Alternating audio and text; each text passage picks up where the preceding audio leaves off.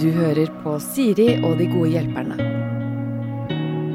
Ingeborg Heldal og Dag Sørås er mine gode hjelpere denne runden, og vi drar eh, rett i et bryllup. Kanskje. Eller en ferie. Dette er et problem som er eh, perfekt for dere, for vi har allerede i onsdagens episode blitt enige om at du er bitte litt ekstrovert, eh, Ingeborg, og Dag, du er bitte litt introvert. Ja. Ikke sant? Mm. Og her er det jo eh, valget mellom Nei, det er ikke dette problemet, jeg tuller! Det kommer senere. tease! Det er en liten tease.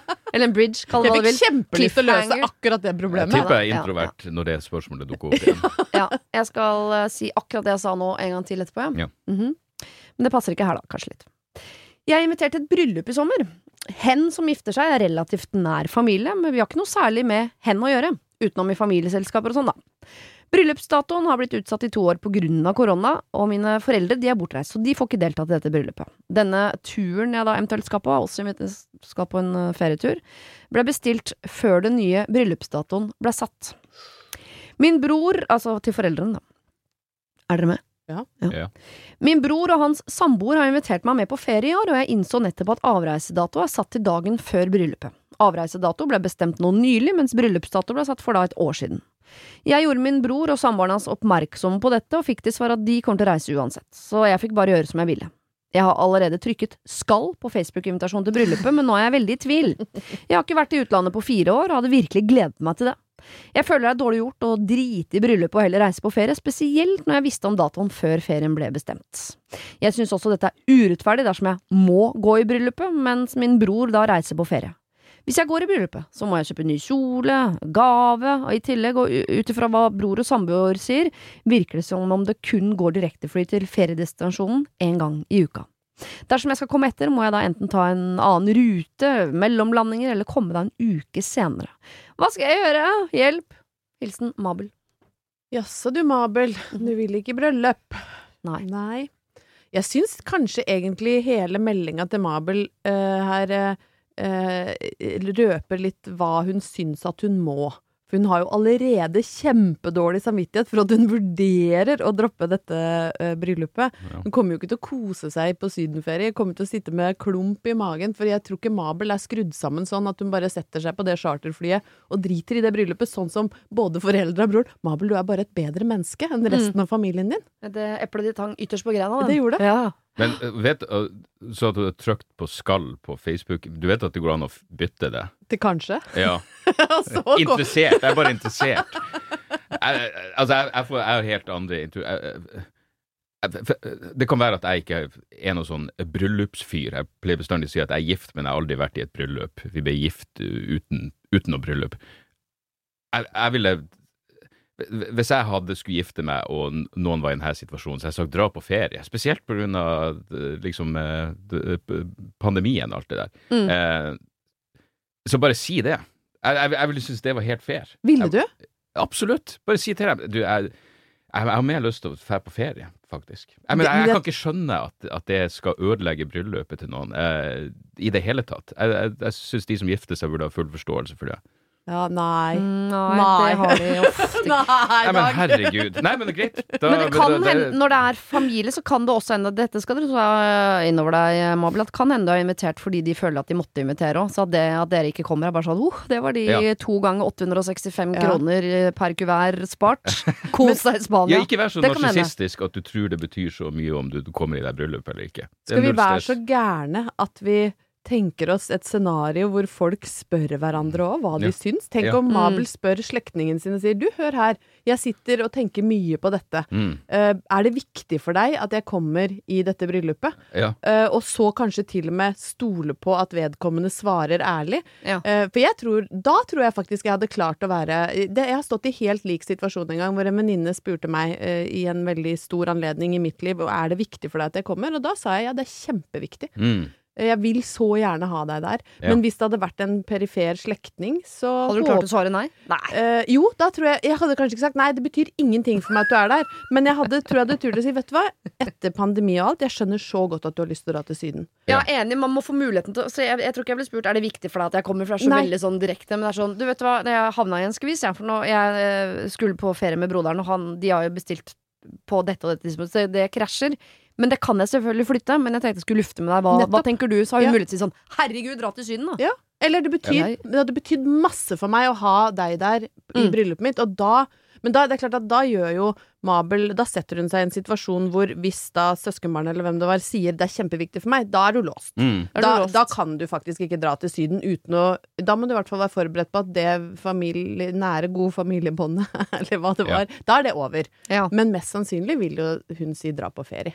Vet du, jeg, jeg har faktisk, og det er jo ikke sammenlignbart på noen måte, men jeg kan huske at eh, da, da jeg var ung og student i Tromsø, så hadde jeg et dødsfall eh, i familien, og jeg skulle på konsert eh, noen dager etterpå.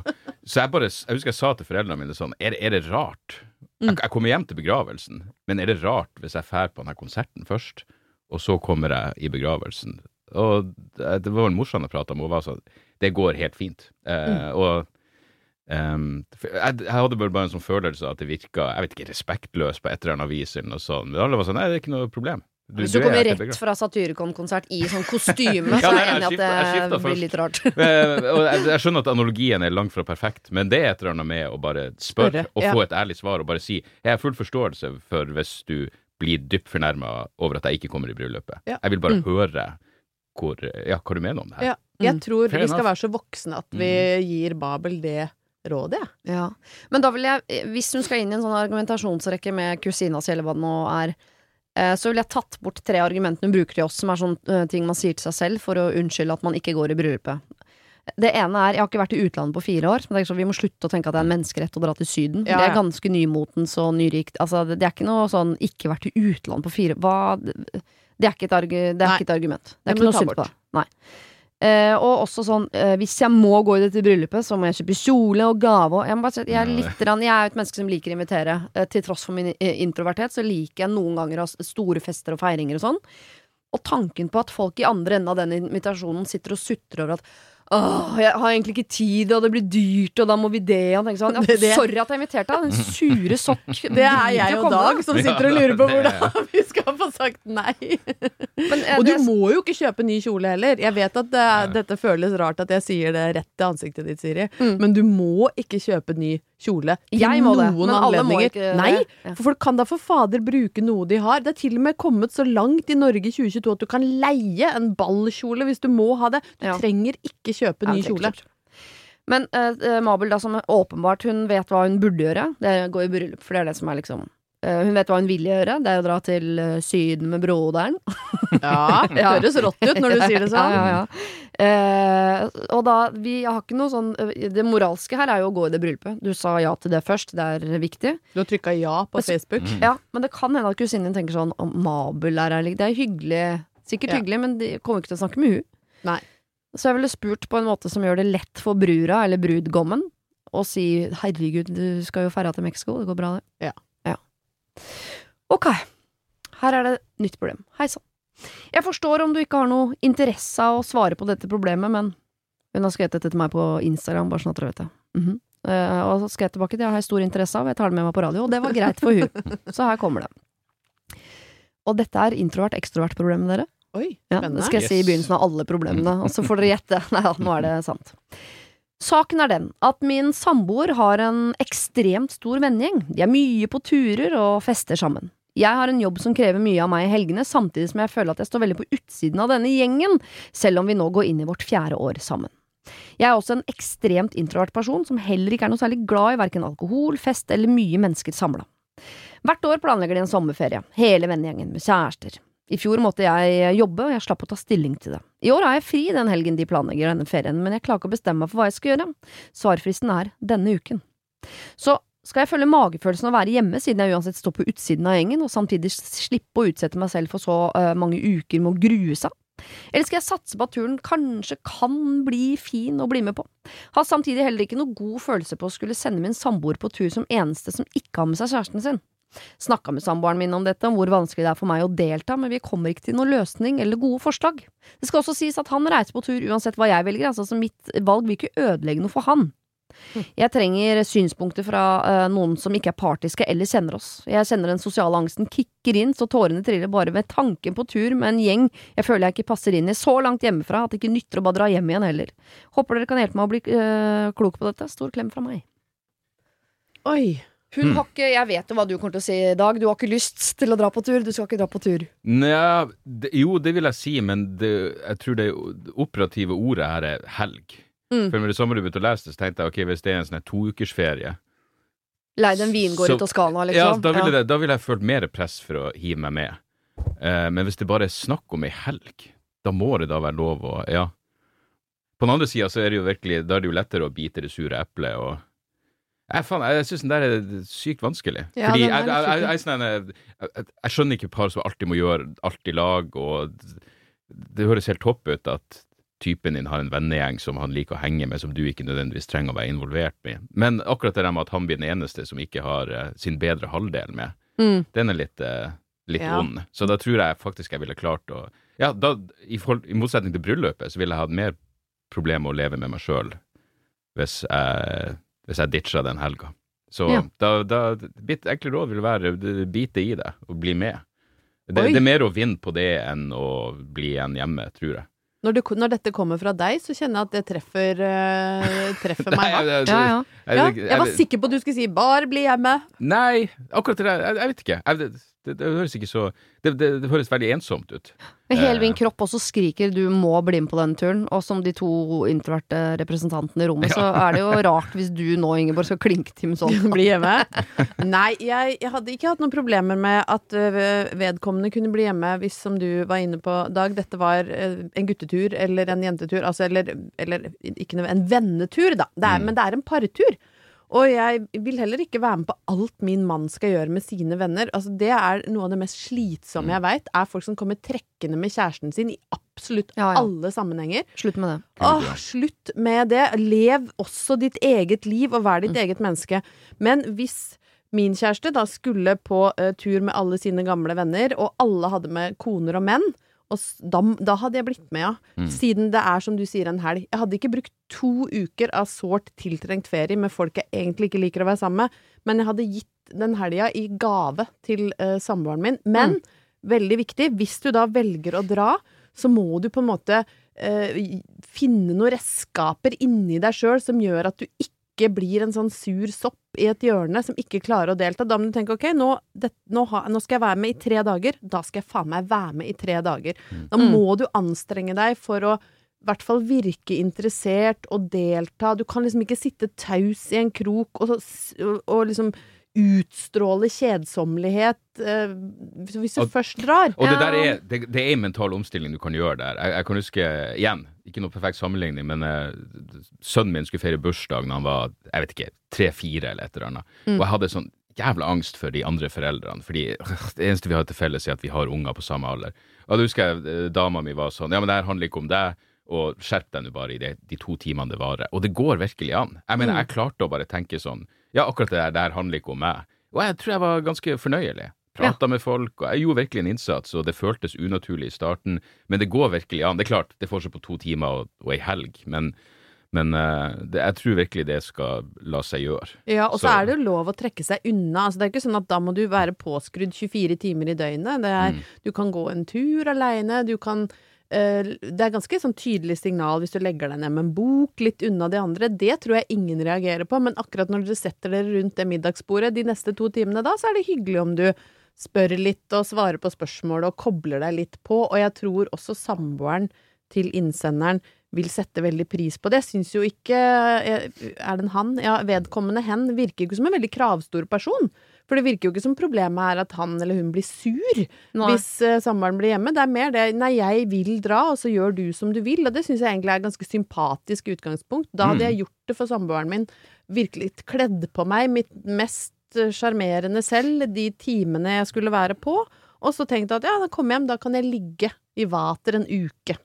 Ja, så- tenker jeg det er fint at de to drar ned som et team, for han vet jo allerede om hennes kvaler med denne Mm. turen. At det er veldig sånn at hun eh, kan snakke med han underveis om dette. For eh, hvis hun ikke klarer å skru seg på i, i, den helga, og jeg tror absolutt hun må finne sånne lommer som hun har bestemt seg for på forhånd.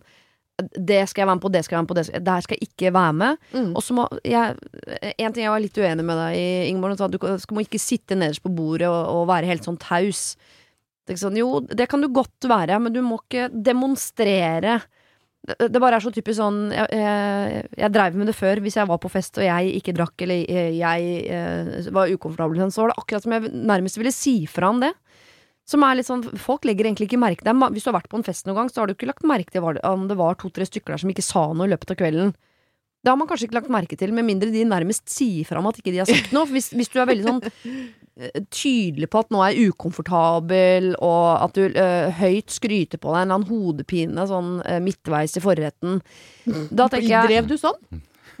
Eh, nei, men jeg kan, kunne gjøre et litt sånn stort nummer ut av det. For jeg tenkte at alle fikk med seg sånn Ja, Oi, nå får alle med seg at jeg ikke danser eller ikke snakker, eller at jeg ikke er liksom helt med i festen. Det får sikkert alle med seg. Så da må jeg unnskylde det på en eller annen måte ved å kommentere det selv. Som er helt, det er ingen som har lagt merke til det før, før du sa det høyt. Så jeg tenker, ikke, ikke si høyt sånn ikke demonstrer at du syns dette er litt vanskelig. Det kan du si til kjæresten din, og så kan Mm. du eh, gå på do, hente energi, og så kan du ut igjen, smile. Du trenger ikke å sitte og skravle og trenger ikke å late som du er eh, eh, festens midtpunkt, liksom. Men det det er bare også slitsomt. Hun uh, sier at du ikke er så glad i alkohol og fest, men så fremst hun ikke, henne person ikke er avhold, så er det verdt å huske på at et, et par drinker gjør folk mer interessant. Det Ja. gjør det, ass. Ja. Det gjør deg sjøl mer interessant, og andre. Ja, det kommer til å hjelpe. Tida går litt fortere. Jo, men det er forskjellen på sånn Skal du da ta og bestille et glass hvitvin, og alle sier sånn 'Hvitvin på bordet!' Mm. Så, så trenger ikke du si sånn 'Jeg liker ikke hvitvin, Nei. jeg'. Sånn, Ikke vær Bare ta det hvitvinsglasset. Du trenger ikke å drikke det engang. Bare Nei. ha det stående. Det er ingen som kommer til å merke om du drikker det engang. Bare ikke lag noe nummer ut av um, nå, nå legger jeg masse egenskaper på dette mennesket, men det, det, noen ganger så har man sånn 'Jeg er annerledes, jeg, dere'. Ja. Det tenk, Ro ned på det. Og derfor er det ekstremt viktig for meg at hun drar på den turen, fordi det er ikke sånn at man som introvert er glad i å ikke føle at man er en del av noe, at man føler på utenforskap eller ensomhet. Man er ikke noe glad Man vil være med. Og jeg tenker hvis hun blir hjemme nå også, så gjør hun den avstanden mellom seg og den gjengen, den blir bare større og større og større for hver gang. Når typen hennes drar ned på den turen uten henne, og alle lurer sånn Å ja, nei, Kristin, som jeg nå har døpt henne, hun er ikke med, hun. Nei, er du vet. Kristin hun blir ikke med, hun. Og da blir det jævlig vanskelig neste år. Og la oss si at du har lyst, da, om fem år. Da er den avstanden mellom deg og denne gjengen her så stor at da blir det, da blir det skikkelig vanskelig. Nå er det ukomfortabelt, om fem år er det skikkelig vanskelig. Og så har det en tendens da til å etablere seg eh, liksom sannheter som ikke nødvendigvis er det, men at da Kristin og Christian, som de nå heter, Mm. ikke har det noe bra. De, for da sier de rundt middagen Nei, Kristin er ikke med. Men Nei, stakkars Kristian'. Det er liksom, det er alltid sånn. Hun blir Mm. aldri med, og det er, liksom, det er litt synd på han. Men vi får prøve å gjøre det hyggelig for han. Og sånn trenger det ikke være, Kristin. Nei. Du må bli med, claim your man, eller eh, hva. Altså bli med og vis at du også er en viktig del av livet hans. Men nå beskrev hun det som at hun har skikkelig sosialangst og gruer seg så hun griner, liksom. Så det er jo ikke sånn Det er jo en veldig stor greie for henne, så jeg vil jo også kanskje anbefale henne å prøve å finne noen redskaper som gjør at sosialangsten blir håndterbar, da. For jeg er Mm. veldig enig med deg, Siri, at hvis du ikke tar tak i ting, så har det på en eller annen måte en tendens til å bare bli større og større og vanskeligere og vanskeligere. Så bli med, men du trenger ikke å tenke at du skal ta masse plass og, Nei og vinne den kvelden og sånn. Du kan være helt tause Birgitte og på en måte bare øh, sitte på enden av bordet, men jeg tror bare det ved å være til stede nå, så kanskje det er lettere neste gang å være til stede pluss en liten skål, eller altså et eller annet. Den der, Ikke skap den avstanden, ikke lag den større. Jeg ser det lettere å slippe unna neste år. Da kan du ta et friår. Ja, Ja. det er Mm. lurt. Ja, for det var min taktikk når jeg begynte å jobbe her i eh, Radio Norge. At jeg bare jeg blir med på den første turen, og så er jeg sånn eh, drita-rita hele turen. Sånn at de neste ti årene så kommer folk til å tenke sånn Siri, vet hun er med. Og så er det ingen som har merka at jeg ikke har vært på julebord på ti år. Men det er jo husker Hemsedal alltid en 2020, liksom. gå inn på, jeg går inn, Hvis jeg ikke vil på fest, men må, Ja. så går jeg inn, og så er den første timen så er jeg helt bananas. Ja. Sånn at det eneste folk klarer å tenke er fy fader, Ingeborg var i form i går. Ja. Jeg er hjemme halv elleve, jeg. Det hadde ikke drukket noen ting. Men det er liksom bare opp og klatre opp på bordet. Men det er for de ekstroverte, da. Men, ekstroverte. eh, men da klatrer jeg opp på bordet, kanskje s- synger karaoke, bare kjaser meg ut. Så jeg kjaser Mm. ut alle rundt meg. Alle er slitne av meg etter en time. Så kan jeg gå hjem og legge meg. Rekker liksom rekker nesten Nytt på nytt. Og alle tenker 'fytti grisen, der var det futt'. Ja, hun er morsom. Altså, jeg får jo eksem i sjela mi av ordet afterski. Og så havner man jo noen ganger i en sånn situasjon hvor vi skal på afterski! Mm. Og da sier jeg sånn Vi skal på afterski, ass. Mm. Men på afterskien så er ikke jeg, men det er det ingen som har merket. Nei. Da gjør ikke jeg noe nummer ut av sånn Nei. Da går jeg hjem! Jeg bare forsvinner. Ja, ja. Det er perfekt. Ninja. Det er helt perfekt. Ghosting er undervurdert. Ja, virkelig. Ja, det må vi gjøre Og når man blir god på det, så er det en ja. superkraft. Mm. Ja, Stikkabussen er den aller beste bussen jeg vet om. Den går hele døgnet, og det er du som setter opp rutetabellen. Ok, vi skal over til et monster.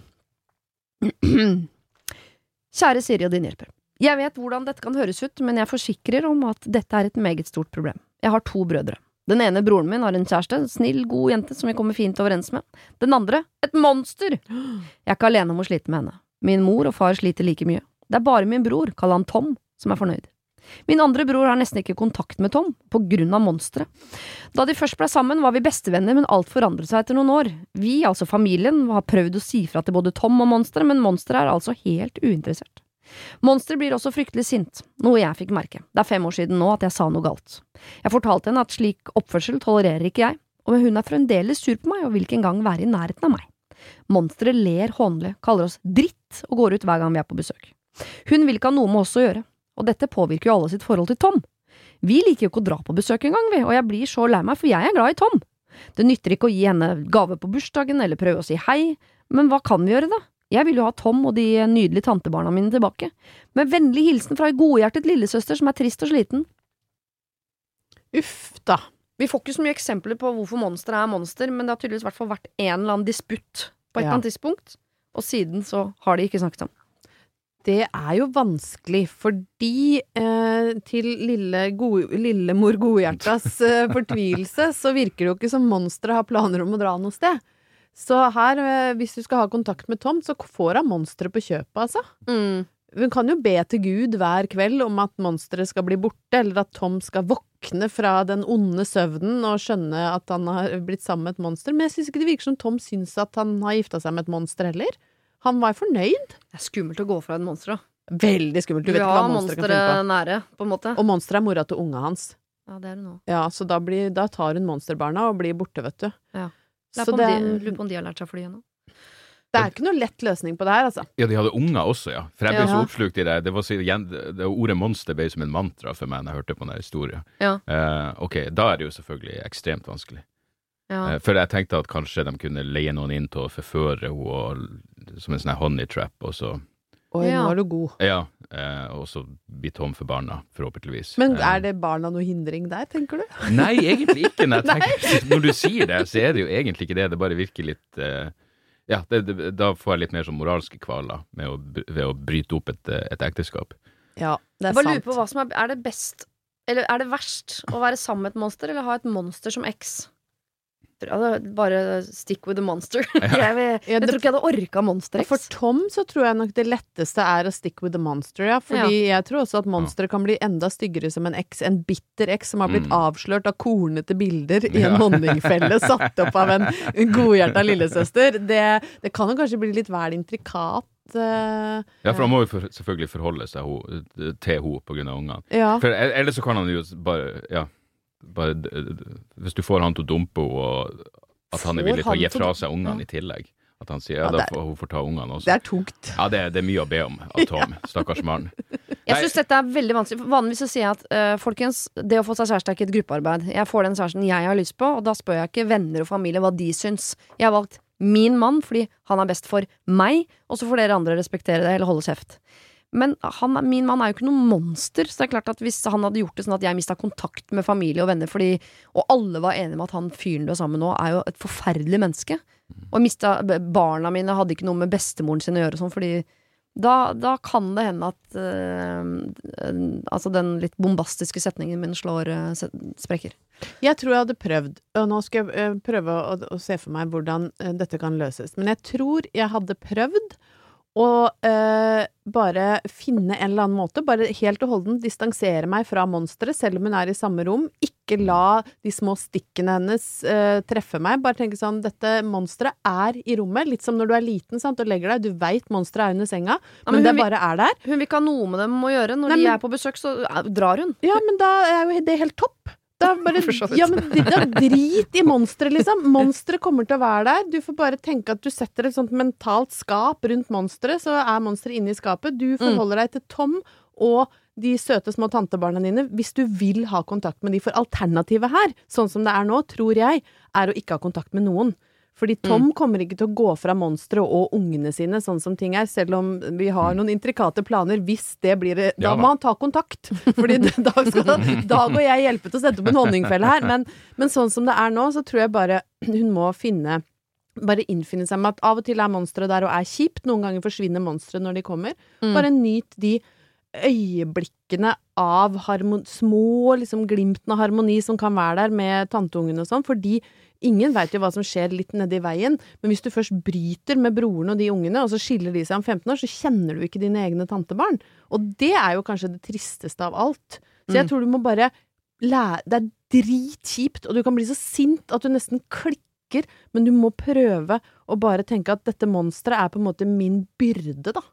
Men vi må også bli enige om at eh, med mindre dette er et monster, at når dere er på besøk, så ligger hun faktisk i en kiste nede i kjelleren. Hun tåler ikke dagslys, for da får hun Ja. hogd Altså, la oss være enige om at antakeligvis bare er hun et menneske som av en eller annen grunn oppfører seg veldig, veldig dårlig. Det kunne jo vært fristende, jeg skjønner at det er litt sånn slitsomt å gå sånn ordentlig i den hobbypsykologretningen, men finne ut av hva det er som plager henne sånn. Kunne man gjort det via bror? Sagt, satt seg ned med broren dag og sagt sånn vi føler at vi mister deg, og vi føler at vi mister barna dine, fordi kona di har tydeligvis veldig problemer med å omgås oss, og det syns vi er trist, for hun er sikkert en veldig hyggelig jente som vi har lyst til å bli kjent med. Uh, er det noe du kan gjøre, eller vi kan gjøre, du kjenner henne best, er det noe vi felles kan komme fram til her for å, for å trekke henne nærmere? Det er jo bedre for henne, deg, barnebarna, oss. Ja, Ja. jeg, jeg tenkte også intervensjon eh, av noe slag i den duren er jo På brorsan? Ja, absolutt Ja. veien å gå. Og jeg, jeg tenker besteforeldrene har det vanskeligere. Eh, jeg, jeg tror ikke de burde si så veldig mye. Eh, mens søstera kan jo si at eh, du ser hvor fuckings merkelig det her er, men, Mm. men- men si det der med at jeg skal strekke meg så langt som mulig eh, med å ignorere det mennesket du er sammen med, for alle våre del. Eh, men jeg, jeg syns synd i han fyren. Han er jo i et, en horribel, eh, horribel situasjon, men eh, kan hende Ja, han elsker henne, at hun er en fantastisk mor og en fantastisk kjæreste, men det er et eller annet hun sliter med i, i møte med familien hans. Jeg syns det lukter personlighetsforstyrrelse på monsteret lang vei. Ja. Man skal være litt forsiktig med å si til Tom, br kona di, monsteret. Kona di er gæren. ja. Ja, hvis Ja, han elsker henne og syns hun er fantastisk, så tenker jeg sånn Jeg tror også jeg i 99% av alle tilfeller ville valgt min manns side hvis noen konfronterte meg med noe. Ja, ja, absolutt. Ja, men, men- da, da du bare sier det ja, ja, jeg ville absolutt ikke brukt ordet monster, men bare sier det virker ikke som om hun har lyst til at jeg skal være her, Mm. men jeg har lyst til å strekke meg langt for å få det her til å funke. Ja. Hva Eh, gjør vi, liksom? ja, Fint hva- og ydmykt og løsningsorientert. Og, og spør er du enig i det. Har du fortsatt lyst til å ha eh, eh, familien i livet? Mm. Eh, besteforeldrene, der tror jeg det blir jævlig sårt. De burde bare Ligge lavt. Ja. Men det som er med Tom òg, ikke sant, er at eh, husk på, hvis du er gift eller sammen med en dame og har barn med en dame som ikke vil ha noe med familien din å gjøre, så, så skal lillesøster også tenke på at den enkle utveien for Tom her er å kutte ut familien, hvis Ja, ja. hun eh, ypper Mm. eller byr, byr opp til konflikt. Fordi Tom lever jo med monstre hver eneste dag, har barn med monstre, skal få hverdagen til å gå opp. Sant? Hvis, hvis konfliktnivået blir så høyt at Tom ikke kan leve i det, så har så lillesøsteren må vite også at hvis hun presser Tom for langt til og begynner å liksom gi ultimatum, og du må velge og sånn, så kommer han til å velge ungen og kona, ja. Så hun må være ganske sånn, trå liksom varsomt i den konfrontasjonen med bror også, og tenke på at han har det sikkert også helt jævlig Mm. inni seg, fordi han blir dradd gjennom dama han elsker og har valgt, som er mora til ungene hans, og en lillesøster som han elsker, og foreldre som han er glad i, og en annen bror. Altså det er han Den det er mest synd på her, er jo Tom som står i en helt Absolutt. helt forjævlig skvis, da. Mm. Vær snill mot Tom, og prøv å kanskje løse det via han, men trå veldig varsomt. Jeg bare ser for meg diverse sånne Disney-filmer hvor det er et monster, og så viser det at det var egentlig var en snill, stor kosebamse, men som hadde en sånn rosetorn i poten. Er det Beauty and the Beast du er på nå? Ja, det Tenk hvis monsteret bare har et eller annet i livet sitt som gjør at denne relasjonen er vanskelig, at hun Ja. egentlig er Så øh, øh, jeg tror at den familien gjør lurt i å, å gjøre som Tom, bringe monsteret nærmere og, og Mm, se om det. det er noe der man kan reparere. Prøve vi kan få ut tornen. Ja, Få tornen ut av poten. Nydelig bilde, Å, Siri. herregud. Og så mener jeg at det også er lov å ha et øh, forhold til tantebarna sine uten Mm. Hvis ikke det går. Ja. Så kan du ta med deg de barna på øh, diverse aktiviteter, sånn at de får et forhold til deg. Det tenker jeg at man kan. Ja, det kan man. Ja, for det er jo ikke sånn at monstre har barna sine i et bur i kjelleren. Da, det er ikke Ikke som vi liksom. vet, i hvert fall. Nei. Ok. Har du et problem og trenger hjelp, ja, så sender du det til meg. Da bruker du Siri, alfakrøll, radionorge.no. Eh, hei. Meg og min samboer har vært sammen i litt over ett Nå skal vi snakke om sex, jeg bare sier fra. Ok. Meg og min samboer har vært sammen i litt over et år og er i midten av 20-åra. Vi har bodd sammen de siste seks månedene, og mitt problem handler om sex. Det skjer svært sjeldent. De siste tre månedene har det skjedd én gang. Og dette eh, var da et dagen derpå-ligg fordi han blir kåt etter fylla. Det mener jeg er eh, det eneste eksempelet vi har på at Gud fins, for det er tidenes practical joke. Det greiene der. Når er mannen min minst sjarmerende? Dagen derpå. Når er han mest kåt? Dagen derpå. Det går ikke opp! Ok. Jeg har prøvd å si det til han at jeg ønsker meg mer sex i forholdet. Altså ikke sånn ekstremt mye, men kanskje en gang i uka, da. Det er vel ikke så mye å be om det for et ungt par. Han klager ofte på at han er sliten, har en hard fysisk jobb, så det er forståelig, men han orket jo før. Altså, første året vi var sammen, så lå vi sammen som kaniner. Jeg er så lei av å bli avvist gang på gang og bli kalt masete fordi jeg prøver å få litt oppmerksomhet. Han mister lysten når jeg maser, men jeg spør og hinter kanskje en gang i uka, eller sjeldnere. Han viser masse kjærlighet, han ligger i armkrok, stryker, kaller meg søte ting, sier at han elsker meg hver dag, men det er ikke nok for meg. Jeg er ikke i tvil om at han elsker meg, men skal det være sånn framover, da? Må jeg trygle for å få litt kos? Ehm, jeg sitter gråtkvalt etter nok en avvisning, etter en utrolig koselig kveld med god middag, god film, jeg hadde kjøpt litt sexy undertøy som han ville at jeg skulle kjøpe, og kommer inn på soverommet, jeg viser han undertøyet, og han svarer nei, så fin du er, skal vi se videre på filmen? Da fikk jeg en knekk. Jeg lå gråten i senga, og jeg lå våken hele natta og tenkte og gråt. Jeg klarer ikke flere sånne avvisninger, jeg. Jeg føler meg stygg, jeg føler meg ikke fin nok for han, og, og, og har han ikke lyst på meg i det hele tatt? Hva gjør jeg her? Jeg trenger virkelig råd. Forresten, vi er hverandres første ordentlige forhold. Kall oss noe passende. Ai, ai, ai, ai, ai. Mm. Da hadde jeg fått meg en knekk òg, altså. Ja. Hvis jeg hadde kommet inn på soverommet i, i Nå har jo jeg vært sammen med kjæresten min i 20 år, da, men hvis jeg hadde kommet inn med nykjøpt undertøy og gjort meg fin, og alt lå til rette, og sånn, kjekk jente, skal vi se videre på Matrix The Resurrection, da! Og det, jeg skjønner jo at han gjerne vil se ferdig. Det var sikkert en veldig spennende film, men her så syns jeg faktisk at eh, ja, nå, jeg syns ikke han helt leverer varene. Altså, han må jo gi kjæresten sin litt mer oppmerksomhet. Og det er jo ikke som at hun vil ligge med han ti ganger om dagen. Det er sånn kanskje en gang i uka, eller et par ganger i måneden. Ja. Hvis hun syns hun er uinteressant etter ett år, så er det vel bare å gjøre det slutt. Jeg mener, hvordan tror du det her kommer til å være om Ja. ti år, da? Så eh, Slå opp, rett og slett. Det er brutalt, men eh, Ja. Jeg, du er midten av 20-åra. Det det første forholdet. Bare Men det er jo selvfølgelig lett å si, men eh, Hvis det var masse sex i starten, så da må du jo spørre hva- Ja, han, han er sliten, selvfølgelig.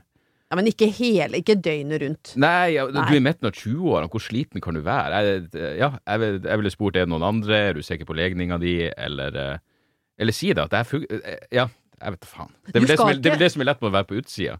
Men si hvis ikke vi finner løsning på det her, så ser jeg ikke noe fremtid i det her forholdet. Nei, for du skal jo ikke være så utmatta fysisk midt i 20-åra. Nei, eh, Hvis han hadde vært midt i 50-åra, så kunne han på en måte Hei, hei, hei, min mann er midt i 50-åra, det går kjempefint. Ja, men, men da, da, da har han jo lov å være litt sliten, da. Nei, jo, kom igjen, Siri. altfor tidlig. Nei, men det, dette her er eh, Det er for tidlig i forholdet Ja. til at det skal være Jeg tenker at en 25 år gammel gutt Mm. skal kaste seg over kjæresten sin når hun stiller på soverommet i det undertøyet han har bedt henne kjøpe. Det er jo ikke så billig med sexy undertøy these days, så hvis han har bestilt dette undertøyet, så må han faktisk kaste seg litt over henne når hun stiller i det. Ikke si sånn 'flott, så, så, ser fin ut nå', sånn, da trykker trykke på play igjen. Mm. Det går ikke. Det be han, ta en sånn en, eh, total helsesjekk. Ja, Ja. Se at alt er ok, at det Det- ikke er noe jernmangel, eller Det er en bra, for ingen menn liker å gå til legen. Nei, Og si, vet du hva, her er det potensiell rør opp i penis for å sjekke at alt ja, Au, jeg fikk vondt i penis. ja, jeg tenker jeg at det løser seg. Ja. Du må på helsjekk Mm. eh, hos legen, for du er så mye sliten at jeg er redd for at du kamera opp i ræva di. Ja, Ja. jeg er redd du har fått kreft. Du skal ta selfie av prostataen din. Men eh, jeg bare, en ting som er viktig for meg å si til uh, denne jenta, er at det er, det, dere har et problem. Men det er jo ikke hun som er problemet. Det er, og, men det er ikke nødvendigvis sånn at han har et problem heller. For det er noe med eh, Man har jo ikke skrevet en kontrakt på hvor ofte man cirka skal ha sex. Det, eh, VG har hatt noen opp, overskrifter på så cirka hvor ofte man burde ha sex, men man har jo veldig forskjellig sexlyst. Kanskje han er et menneske som ikke har så stor appetitt på sex. Mm. Han ville ikke hatt det med noen andre heller. Det er sånn han er. Men hvorfor drev han og ga henne varene daglig i starten? Det er en del av bli kjent-prosessen. Mye man dreiv med i begynnelsen som man ikke har noe interesse av. Jeg så på fotballkamp og lot som jeg elsket David Bowie. Altså, vi holder på med rare ting i begynnelsen her som ikke representerer oss som mennesker. Jeg tenker at han har en lavere appetitt på sex enn det hun har. Ja. Eh, Så han har ikke et problem, hun er ikke et problem, men det er ikke sikkert at de som par er liv laga. For det er noe med hvis, La oss si at jeg har lyst til å ha sex en gang i måneden, og så er jeg en fyr som har lyst til å ha sex to ganger i uka. Eh, da kan man jo godt si at det er jeg som må begynne å ligge med han oftere, men jeg kan jo også si fra andre sin sånn Nei, det er du som må ligge med meg sjeldnere. For begge behovene er egentlig like, Ja, i mitt hode, like legit, begge behov. Ja. Det er bare at fordi uh, VG skriver bare om den ene siden, så tenker jeg sånn Den som ikke vil ligge, må ligge. Den som ikke vil ligge, må ligge. Nei, Mm. jeg har ikke behov for sex. Verken med deg eller noen andre. Så da må jeg få slippe det, egentlig. Men hvis hun har behov for uh, sex en gang i uka, han har behov for sex en gang i året, så kan ikke de være sammen. Nei, eller så kan hun sjekke hva han syns om åpne forhold.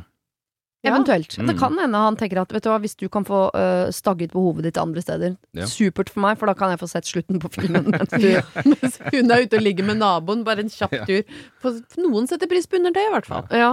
ja, for jeg bare tenker, hun må, Det er veldig trist at hun tenker at hun er et problem, for den der konstante avvisninga, da begynner det å handle om andre ting i sex som du føler deg liksom Ja, ja. eh, ikke verdt nok. Men kanskje ikke det handler om henne.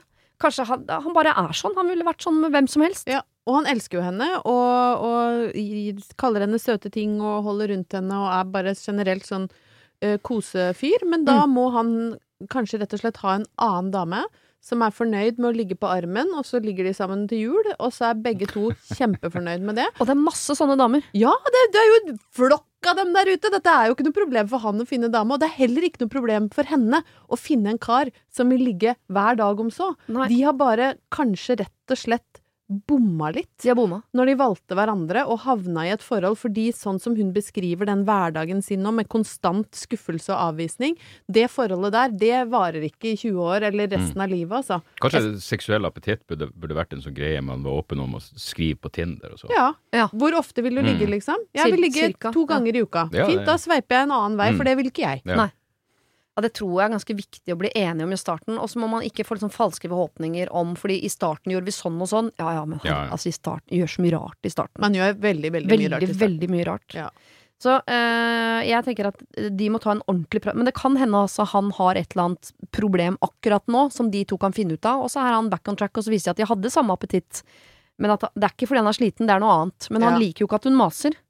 Og det kan Ingen- jeg forstå. Nei, ingen liker jo mas. Nei. Det er, og de er på vei inn i en veldig sånn kjei nedadgående spiral nå, hvor, hvor hun ma maser om sex, og han sier nei. Og hva er det som er mer turnoff enn gnål? Mm. Du blir jo ikke kåt av at noen går og gnåler på deg, så de har liksom balla seg inn i noe du nesten ikke klarer å komme deg ut av, da. Gnålekåt, veldig sjeldent. Gnålekåt har jeg nesten aldri hørt om. Nei, det tror jeg ingen er. Og så syns jeg også sånn Jeg kan jo ikke se det fra en annen perspektiv enn eh, mitt kvinneperspektiv. Jeg må si at hvis min mann hadde prøvd seg på meg ofte, og jeg ikke hadde ligget med han, så ville jeg statistisk sett inni hodet mitt tenkt at det er fordi Ikke fordi jeg ikke syns han er veldig, veldig deilig, for jeg syns han er grisedeilig. Jeg ville tenkt at jeg orker ikke meg naken. Så, og det er en del av betingelsen for at vi to skal ligge sammen, er at eh, topp at du er naken, du er kjempefin, men jeg må være naken òg, det syns jeg er litt traurig. Så kan jo, og hvis, det kan jo hende at denne mannen her Misfornøyd med seg sjøl? Det er ikke at han ikke tenner på deg, han tenner ikke på at han skal være med. Altså, må jeg, må jeg være Ja. med? Ja. Eller sånn, så snakker man om det, da. Kanskje, Kanskje han, ja, at misfornøyd han med ikke kroppen føler sin, seg eller, ja. mann nok for deg, eller at han ikke føler at han klarer å tilfredsstille deg. At det er noe i hans øhm, selvtillit som gjør at Åh, nei, vet du hva, Inne på soverommet så, så mister jeg meg sjøl, for jeg er ikke han fyren som slenger damer i veggen og, og sier stygge ord, liksom. Jeg trodde du bygde opp til at han bare ville sitte i hjørnet og se på, men du tok det i litt annen retning. Det kan også hende at han vil. Det må dere snakke om. Alle er ikke laga for dirty talk. Nei. Men eh, igjen, altså, dette må dere snakke om. De må snakke De om må det. snakke om det. Ja, ja, ja. Men og, bare- k- og være forberedt på at kanskje dere bare ikke er lagd for hverandre, og så er det kjempetrist. Men livet er langt, altså. Det er Mm. mange ligg der ute som skal gjennomføres, og det er stusslig hvis det bare blir forbundet med nederlag og Ja, nei. tristesse. Ja, det kan ikke fortsette sånn. For hvis Nei. løsningen er at jeg er ikke en kåt fyr, du er en kåt dame, så kan de ikke være sammen. Så enkelt er det. Det går Amen. ikke. men Og vi skal over i et nytt uh, forhold. Overskriften er fra innsender 'Rett fyr til feil tid', eller bare 'feil fyr'. Mhm. Jeg er en dame i starten av 30-åra som har brukt altfor mye tid på studier og jobb gjennom livet, og har vært singel altfor lenge.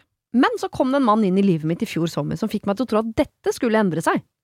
Vi bodde i forskjellige byer, men det var ikke noe problem. Vi fløy fram og tilbake, og jeg skulle uansett flytte til hans by i forbindelse med jobb over nyttår. Alt lå til rette for at dette kommer til å fungere. Så kom dagen, da, og jeg flytta. Og da må jeg bare poengtere at hun flytter ikke inn hos han, men til byen han bor i. Mhm.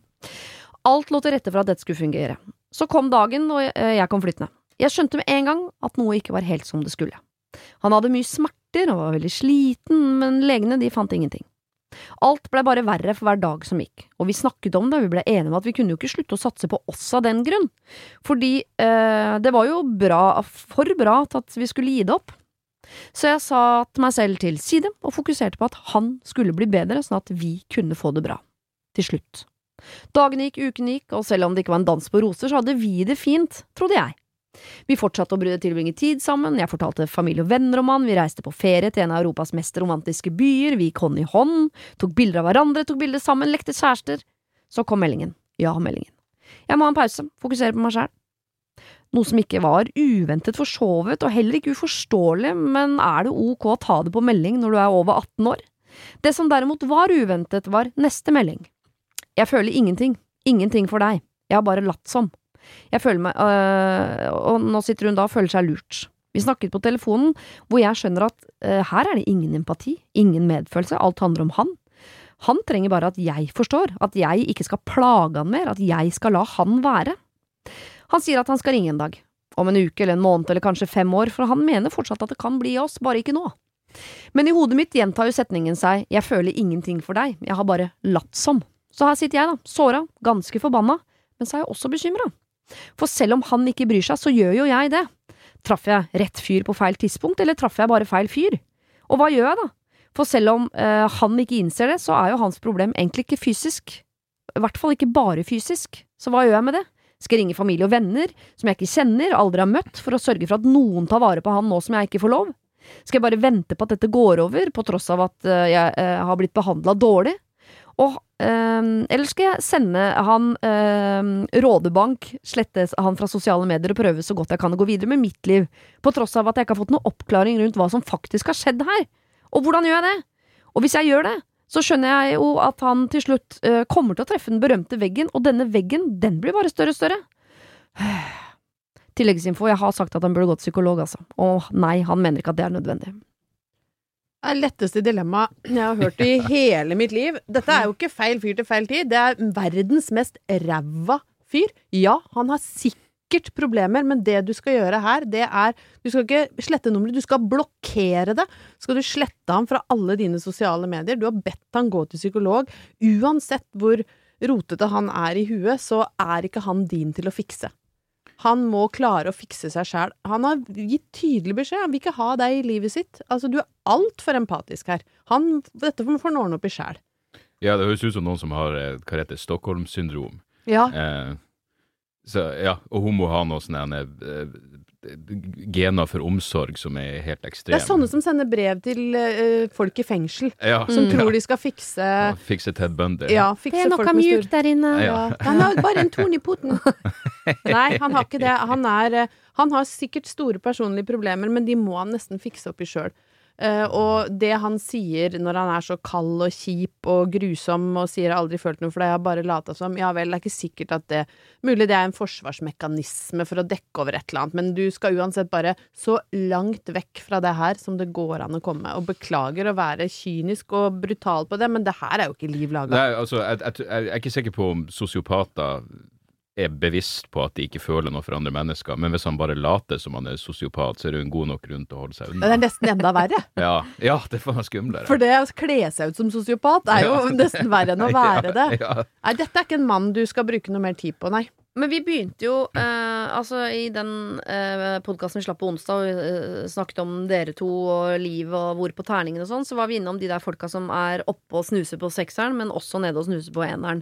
Det kan jo hende han er en sånn fyr, og hun har sett hvor fantastisk han er når han er på terningkast seks. Da har de det fantastisk. Og så er han plutselig nede på én. Og ja, det var litt tidlig i forhånd. Klart, hadde hun vært gift med han og lovt at vi skal sammen i tykt og tynt, så er dette tynt. Og da må man komme seg gjennom det som par. Men nå, dere er jo ikke sammen engang, og da har man jo muligheten til å hoppe av. Og det sier jo dere at hun skal benytte seg av. Men hun har sett han når han er fantastisk. Og Ja, det kan hende nå Det er det jeg må spørre. Har hun det? Ja, hun, hun, hun hun, traff jo mannen i sitt liv, og så Ja, men- plutselig så ble han annerledes. Så kan det hende at nå er han inne i en dark periode, og når han er dark, så hans mul måte å på en måte eh, da elsker ikke han seg selv, så han vil egentlig teste jeg, Han tenker jeg er grusom, det syns sikkert alle, nå skal jeg sjekke om du syns jeg er grusom. Jeg liker ikke deg, jeg bare lata som, og så sjekker jeg hvordan du reagerer. Du stakk av du òg, ja, det var det jeg visste, det er ingen som liker meg her nede i min mørke hule, jeg skal være her alene for bestandig. Det kan jo hende at hun er han den ene som klarer å dra han Nei, Siri, nå må du faktisk ta deg sammen. Altså, det, det her er Historien er full av bevis på at det der ikke funker. Det er så mye triste damer som sitter der ute, som har tenkt det. Jeg, jeg er den ene som skal få Ted Bundy opp av sosiopathjula si. Nei, du får ikke det.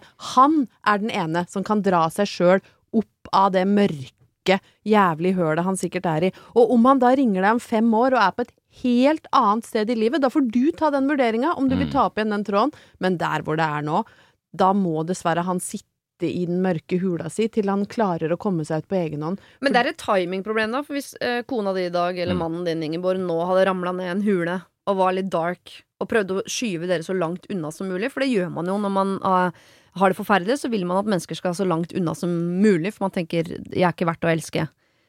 Da hadde dere vel ikke sagt det samme? Da hadde dere vel tenkt at dette må Da vi jobbe oss kjenner, vi, gjennom? da kjenner ikke du oss. Da vi hadde satt våre respektive rett til skogs. Ja. Det, for det, sånn driver vi ikke med. Det orker vi ikke. Nei, men jeg tror at hvis uh, denne typen oppførsel plutselig kom helt ut av det blå etter uh, ja, hvor enn det er, ja, 15-16 år, hvor enn lenge jeg har vært sammen med fruen, så, så ville jeg blitt, uh, blitt overraska. Og jeg, har en, jeg, jeg liker vanskelige mennesker, jeg har ikke noe problem med det.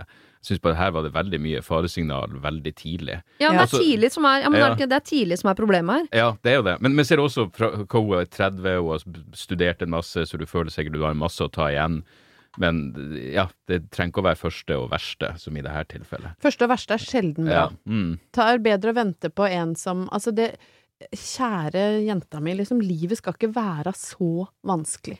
Ikke i starten. Det er han, han har så mye ting han må fikse opp i sjøl. Du har faktisk lov til å eh, ønske deg et ålreit liv, altså. Ja. Og han kan ikke gi henne det nå.